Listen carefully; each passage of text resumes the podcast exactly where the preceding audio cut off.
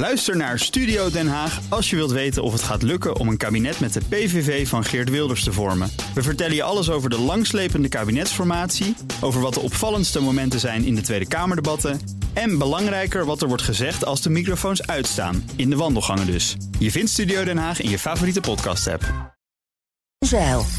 Economenpanel. De Nederlandse economie kromp in het derde kwartaal met 0,2 procent. En in Egypte is afgesproken dat er een klimaatschadefonds komt. Maar hoeveel geld erin zit en wie er aanspraak op maakt, dat is nog niet duidelijk.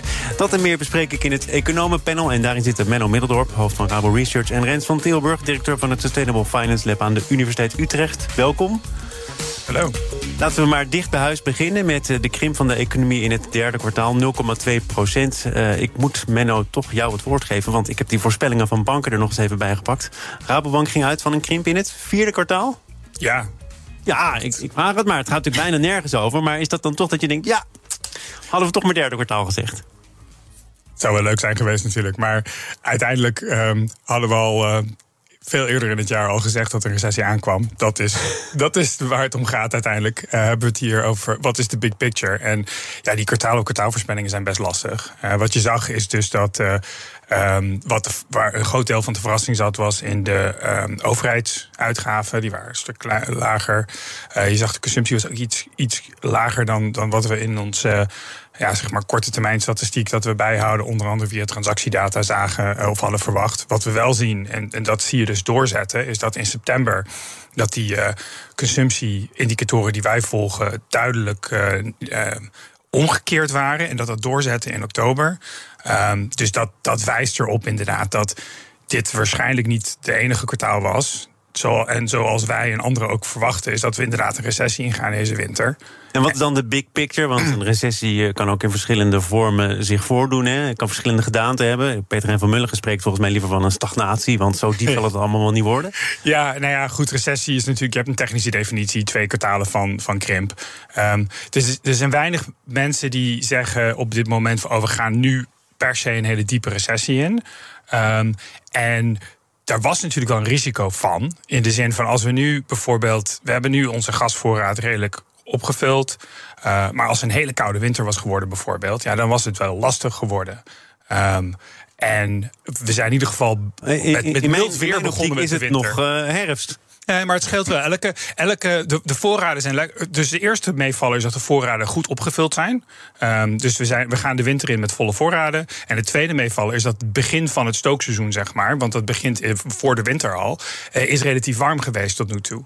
Dus als we niet, een enorm, als we niet echt een paar weken hebben van echt super koude zeg maar historisch koude winter, dan, dan is de kans dat we deze winter doorheen komen, in ieder geval zonder een, een hele zware periode, ook economisch gezien. Want op het moment dat je, ja, dat, dat je echt een tekort zou hebben aan gas, dan zou de gasprijs weer omhoog gaan. Dan zou je dus bepaalde sectoren, uh, energie-intensieve industrie, zou misschien zelfs afgeschakeld moeten worden. Dat soort doemscenario's zijn een beetje, ja, in ieder geval naar voren geduwd. Maar ja, we hebben nog volgende winter. Want de, de, reden dat die gasvoorraden dit jaar vol zijn, is omdat we Russisch gas hebben gebruikt om die te vullen. De vraag is van hoeveel houden we over aan het eind van de winter en hoeveel kunnen we opbouwen om de volgende winter uh, in te gaan. Dus uh, de, de, diepe recessierisico's lijken een beetje in ieder geval naar de toekomst geduwd. Welke scenario's voorzie jij voor de komende kwartalen? Laten we beginnen met deze winter. Nou, ik denk dat het helemaal eens met, met Menno. Ik denk voor de komende uh, zeg half jaar uh, hebben we in zekere zin de schaapjes wel op het droge. We hebben voldoende gas.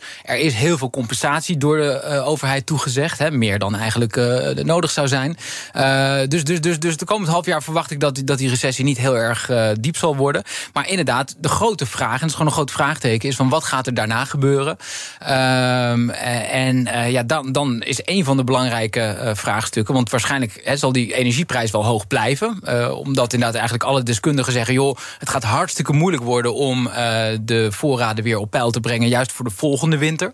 Nou, dus dat zal waarschijnlijk met hoge energieprijzen gepaard gaan. Ja, en wat gebeurt er dan met de compensatie uh, voor, voor huishoudens, voor bedrijven? Dus die discussie die we de afgelopen maanden hebben gehad... die gaan we waarschijnlijk over een half jaar weer volop, volop krijgen. Ja, en dan is ook de grote vraag... hoe zit de rest van de wereldeconomie in elkaar? En dat, dat kan zowel het klinkt een beetje raar, maar het kan positief zijn als het in andere landen minder goed gaat. Hè? Want een van de redenen waarom we verwachten dat het met de energie ingewikkeld kan worden volgend jaar, is omdat China, de Chinese economie, die natuurlijk heel erg stil heeft gelegen van alle uh, COVID-restricties, dat die weer gaat draaien. En dan hebben ze ook gas nodig. Hebben ze ook dat LNG, hè, wat wij, uh, dat uh, vloeibare gas, wat wij vanuit heel de wereld hier naartoe hebben gekregen door hele hoge prijzen te bieden. Nou, dat dan de Chinezen tegen ons op zouden gaan, gaan bieden. Nou, dat is gewoon een groot vraagteken. Want wat je hebt gezien de afgelopen tijd is dat al die centrale banken hun rente heel scherp omhoog zijn gaan gooien. Um, en in feite het echte effect daarvan, ja, dat moet ook de komende weken, maanden gaan blijken. Um, en dan is ook de grote vraagteken: is gaan de, uh, de Amerikaanse centrale bank, de Europese centrale bank, gaan die nog door met renteverhogingen of niet? Het lijkt erop dat daar wel de, de grootste stijgingen nu wel geweest zijn. Um, maar ja, aan de andere kant, ze zeggen we blijven nog wel even doorgaan. En wat verwacht jij van, van overheden? Want vanuit de Europese Commissie is inmiddels het geluid nog eens al die steunpakketten. 70% van al het geld dat nu wordt uitgegeven zou ondoelmatig zijn. Onze eigen minister Kaag zei op het partijcongres van D66... als er nu een recessie zich uh, voordoet betekent dat niet dat wij deze vorm van steun weer kunnen volhouden. Ergens houdt het op.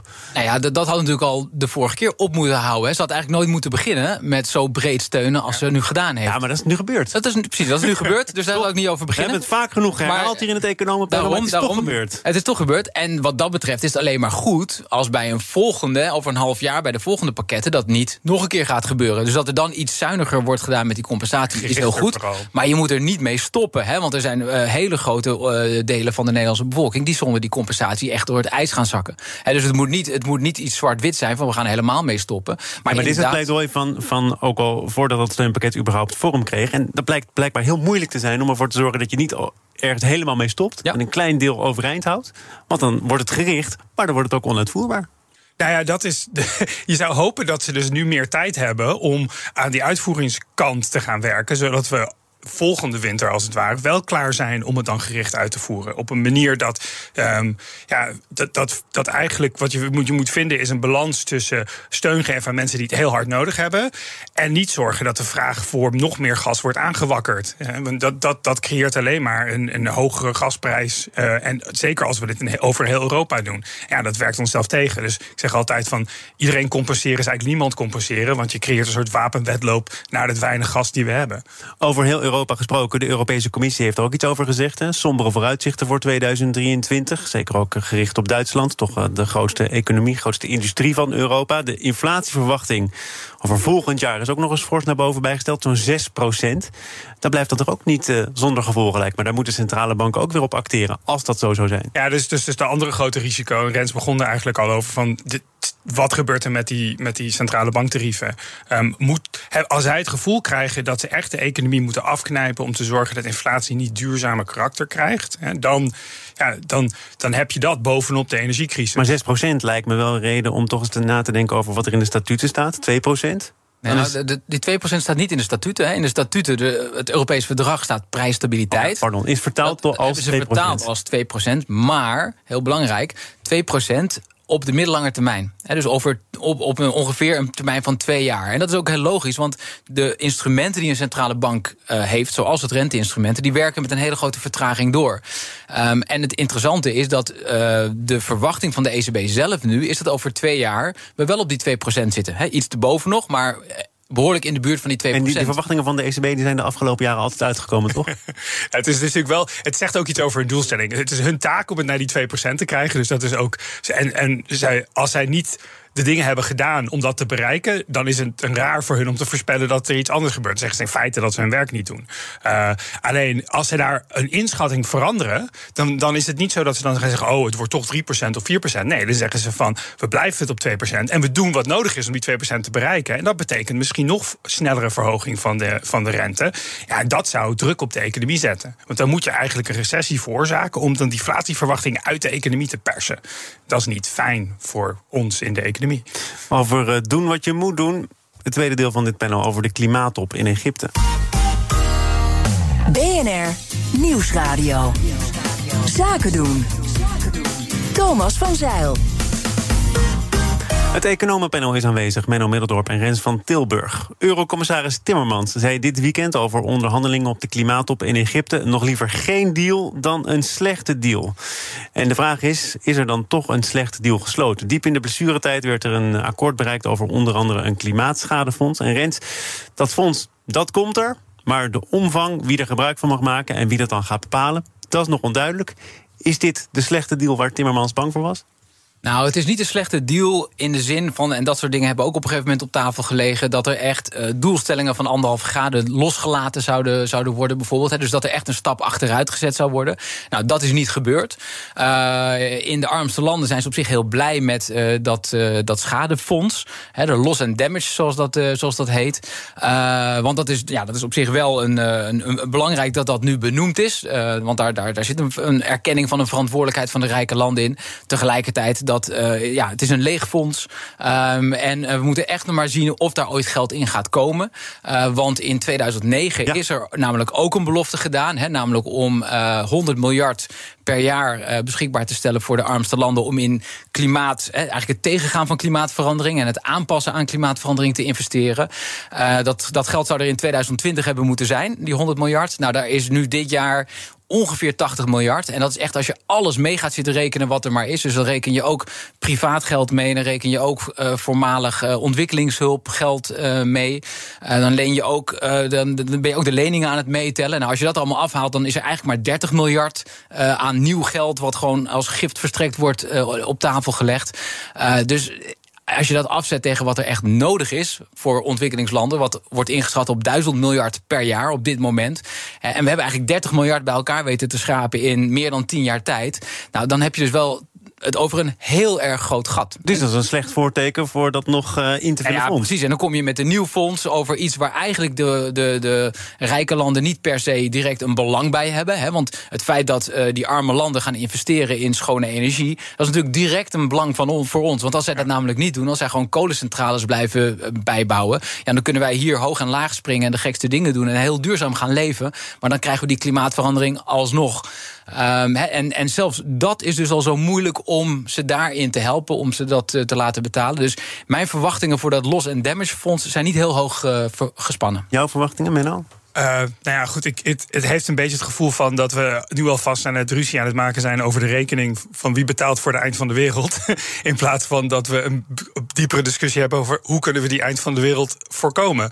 Um, ja, dat is wel heel teleurstellend. Nou, er zijn toch ook discussies over gevoerd over het uh, uitfaseren van fossiele brandstoffen ja, en de terminologie die ja. daarover zou. Nou, je had het over het nadenken over het voorkomen van het einde van de wereld. Nee, je hebt gelijk. Ze hebben erover nagedacht en ze hebben er ook over gesproken, maar er is eigenlijk weinig nieuw bereikt of afgesproken. En wat er wel is afgesproken gaat eigenlijk over hoe, um, hoe betalen we voor de schade achteraf als er iets slechts gebeurt. In plaats van over hoe kunnen we onszelf en, op, en opkomende markten voor ontwikkelingslanden um, meer robuust maken tegen klimaatverandering. En hoe kunnen we gewoon emissies omlaag krijgen. Maar is hier, is nu toch ook sprake van uh, een soort superioriteitsdenken vanuit Europa? Want de teneur die ik in ieder geval vanuit de media en de berichtgeving vanuit Egypte heb meegekregen, is toch ja, wij willen wel, wij denken erover na. En zij, de rest van de wereld, komt niet in beweging. Is dat wel helemaal eerlijk?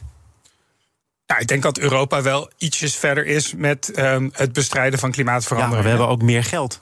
Ja, nee, dat maakt het makkelijker. Maar nee, ik heb het dus niet over um, Europa versus um, zeg maar opkomende of ontwik of ontwikkelingslanden.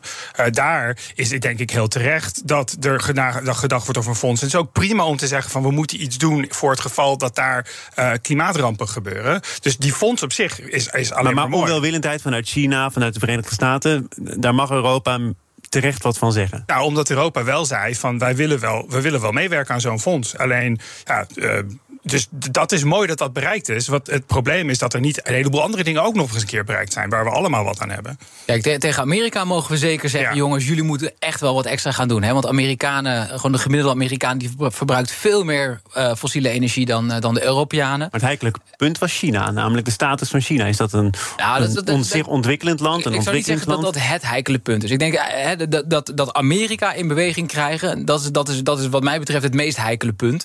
Uh, want die gebruiken echt echt een enorm veel hogere hoeveelheid fossiele energie per persoon. Ehm, en zolang zij dat blijven doen, zullen dus ook alle andere landen zeggen: Oh, dat is blijkbaar wat, waar we naartoe mogen groeien. Dus, dus dat moet echt van tafel. Hè? Dat, dat, dat, ja, die manier van leven eigenlijk in, in Amerika. Dus dat, dat is nogal wat om een manier van leven van tafel Ja, maar dat is natuurlijk ook zo. American iedereen, way of life. American way of life. Iedereen die, die woont daar in een, in een, in een huis waar je wel met de auto naartoe moet. Die hele infrastructuur is, is daarop ingericht. Dus daar moeten echt hele grote slagen gemaakt worden. Ja, en we weten hoe die discussie in Amerika loopt. Hè, met, met Trump op de achtergrond. Dus dat, dus dat is inderdaad een hele, hele ingewikkelde. Um, uh, en tegelijkertijd ja, weten we ook dat die opkomende landen... waar de grote bevolkingsgroei plaatsvindt dat daar de komende jaren eigenlijk de grote nieuwe infrastructuren gebouwd gaan worden. En daar staan zij voor de keuze van gaan we dat doen op een schone manier... Um, of doen we dat op een uh, ja, vieze manier, zetten we weer een kolencentrale neer. En nou is het interessante dat eigenlijk die schone uh, infrastructuur... vaak al goedkoper is dan de fossiele infrastructuur... als je naar de hele uh, levensduur van, daarvan bekijkt. Um, maar het lullige is dat de investeringskosten... vaak toch veel hoger zijn van die duurzame optie. Want dan moet je namelijk in één keer alles investeren. En daarna heb je er eigenlijk geen, geen omkijken meer naar. Terwijl die kolencentrale, die moet nog 30 jaar lang... moet je elke dag nieuwe kolen in, uh, inkopen. Maar omdat die landen ja, eigenlijk gewoon tekort aan geld hebben op dit moment... kiezen ze dan toch maar weer voor uh, die fossiele infrastructuur. Dus dat, dat is eigenlijk waar ik had gehoopt dat de doorbraak op zou zijn uh, ja, in Egypte. En zoals, zoals je eerder al zei, het, het zou het meest logisch zijn vanuit de, de rest van de wereld. Want als de rijke landen, die, die kunnen elke emissie die ze besparen in die landen... hebben wij over de hele wereld uh, profijt van. Dus je zou denken dat daar gewoon ja, dat is gewoon al ons eigen belang om dat geld beschikbaar te stellen. We gaan, we gaan eh, tot slot kort naar een ander land met een uh, tekort aan geld. Naar uh, het Verenigd Koninkrijk. De Britse minister van Financiën, Jeremy Hunt, gaat de belastingen flink verhogen. En snijdt met een bezuinigingsplan ter waarde van 35 miljard pond ook behoorlijk in de overheidsuitgaven. Zijn mini-budget heeft als titel meegekregen een plan voor stabiliteit, groei en publieke diensten. Kan je dat allemaal waarmaken, Menno? nou ja, het, het interessante hieraan is dat een heel groot gedeelte van die bezuinigingen, die dus naar, tot die uiteindelijk lange termijn stabiliteit moeten leiden, waarschijnlijk onder het volgende parlement vallen. Of in ieder geval bij het, het valt zeker onder het volgende parlement. En dat is dan waarschijnlijk onder een andere partij. Dus het is ergens een beetje makkelijk, zeg maar. Um, ze, doen wel, ze doen wel goede dingen hoor. Dus als je kijkt naar het totale pakket, er komt nu een recessie aan, ook in Groot-Brittannië. Ze hebben eigenlijk dus heel logisch die recessie niet zwaarder willen maken. En hebben ze een, een, een groot gedeelte van de pijn een beetje naar achter geschoven. Ja, volksgezondheid, sociale zekerheid wordt allemaal min of meer met rust gelaten. Ja, dus het is op zich het is geen slecht pakket. Maar uiteindelijk de moeilijke gedeelten van dit pakket hoe logisch ze ook zijn, worden uiteindelijk waarschijnlijk door Labour uitgevoerd. Dus nou, dat is een politieke keuze, denk ik, die je in meerdere landen ziet om de meest ambitieuze plannen of de meest pijnlijke maatregelen iets ja, ik, vind, ik vind dat eigenlijk iets te hard, eigenlijk, want het is wel de juiste manier om het te doen. Ook vanuit een puur economisch perspectief. Want je wil niet die aankomende recessie nog zwaarder maken. Maar het, is wel, het wordt hun wel een stuk makkelijker gemaakt om het juiste te doen op het moment dat eigenlijk de politieke gevolgen daarvan bij de volgende partij komen. Dus het is uh, politiek interessant om het zo te plannen en economisch komt het ook nog eens goed uit. Rens? Ja, nee, absoluut. Hè. Dus, dus de, eh, onder de conservatieve achterban uh, is er een hele hoop gemor die zegt van... joh, dit, dit is eigenlijk al een Labour-begroting uh, die hier wordt uh, gemaakt. En ik denk dat ze daar gelijk in hebben. maar er wordt toch ook flink gesneden in die overheidsuitgaven? Dat is toch niet per se Labour-beleid? Ja, maar dat, het zal wel Labour-beleid worden, want het wordt onder hun termijn Er wordt nu nog niet zoveel gesneden. Hè? Dus er de, de, de, gaat zelfs nog extra geld naar zorg, extra geld naar onderwijs. Uh, de, uh, de uitkeringen, de pensioenen, die groeien mee met, uh, met de inflatie. Ja, daar wil dus ik nog even wat over. Dat is 11% op dit moment in het Verenigd Koninkrijk. En dan stel je toch zo'n koppeling voor dat is dan een forse rekening aan het einde van de ja, rit, dus, Nee, zeker. Dus, dus, dus wat dat betreft is dit, he, kun je zeggen... dit is meer een Labour dan een uh, conservative uh, begroting. Uh, maar ik denk wel, gegeven waar die economie nu staat... is het wel verstandig om dat te doen. He, want je, je hebt het over mensen die aan de onderkant van de economie zitten... die dus die hoge energieprijzen anders gewoon echt niet kunnen betalen. Dus, dus het lijkt mij heel verstandig dat ze dat op dit moment wel doen. Maar ja, op enig moment, en dat is natuurlijk wel het probleem... wat, wat Engeland heeft, die zitten... ja, zijn als, als land alleen met een schuld van ongeveer 100% uh, van de BBP. Uh, en, en die hebben zich dus echt wel wat aan te trekken van wat de financiële markten van ze denken. Ja. He, dus dat hebben we gezien bij de vorige begroting. Uh, daar ging dat helemaal mis. En nou, daar is ook de, de minister van Financiën en premier inmiddels vertrokken. maar ja, over een paar jaar, uh, dan, he, dan als, als de, de bezuinigingen moeten komen, ja, dan wordt het wel heel lastig om, om daar dan niet uh, in, in mee te gaan. En inderdaad, dat is dan waarschijnlijk Labour die dat mag, die mag dan een conservatief beleid gaan, gaan uitvoeren. Misschien ziet het er economisch dan weer anders uit, waardoor je die bezuinigingen wat makkelijker kunt doorvoeren, waardoor ze wat minder pijn gaan doen. Dat is denk ik het idee, toch? Dat, dat, dat is de hoop, hè, dat de economie dan weer omhoog gaat, dat de prijzen lager zijn en dat er dus mensen dan banen gaan vinden, niet meer zoveel geld kwijt zijn aan hun energierekening en ja, dan kan je inderdaad uh, wat meer bezuinigen. Met dan waarschijnlijk inderdaad die recessie die nu voorspeld wordt, ook door de, zeg maar, de CPB van, van het Verenigd Koninkrijk daar ben je dan waarschijnlijk uit. Dus dat is het logische moment om dan te beginnen aan die bezuinigingen. Maar wat ze wel ook hebben gezegd, is dat ja, de structurele groei van het Verenigd Koninkrijk, vooral de structurele productiviteitsgroei, ja, dat hebben ze om, omlaag herzien. Dus dat betekent dat de basis om dat te doen, om die groei op, op stand te houden, eigenlijk alleen maar kan komen door of meer mensen vanuit het buitenland halen. Uh, of, uh, ja, en post-Brexit is dat inderdaad eigenlijk het, een van de grappigste conclusies, dus, of de meest politiek interessantste conclusies van wat um, um, dus die onafhankelijke instituut die deze ramingen heeft gedaan, heeft gezegd, is van, oh, we zien eigenlijk dat de, uh, de trendgroei van het Verenigd Koninkrijk omhoog wordt gehaald door recente immigratiebeleid. Die het makkelijker maakt om mensen uit de rest van de wereld te laten emigreren. Alles wat ooit de voedingsbodem was voor Brexit. Misschien moeten we wel gewoon bij de Europese Unie gaan. Uh... Nou, ik geloof dat Sunak weer wil nadenken over hoe hij op eh, bepaalde manieren toch kan profiteren van de Unie in de vorm van bilaterale verdragen. Maar daarover wellicht een volgende keer meer. Menno Middeldorp, hoofd van Rabo Research en Rens van Tilburg van het Sustainable Finance Lab van de Universiteit Utrecht. Dank voor jullie bijdrage aan dit panel. Graag gedaan. Graag gedaan. Zometeen de Oekraïne-update met Bernard Hammelburg.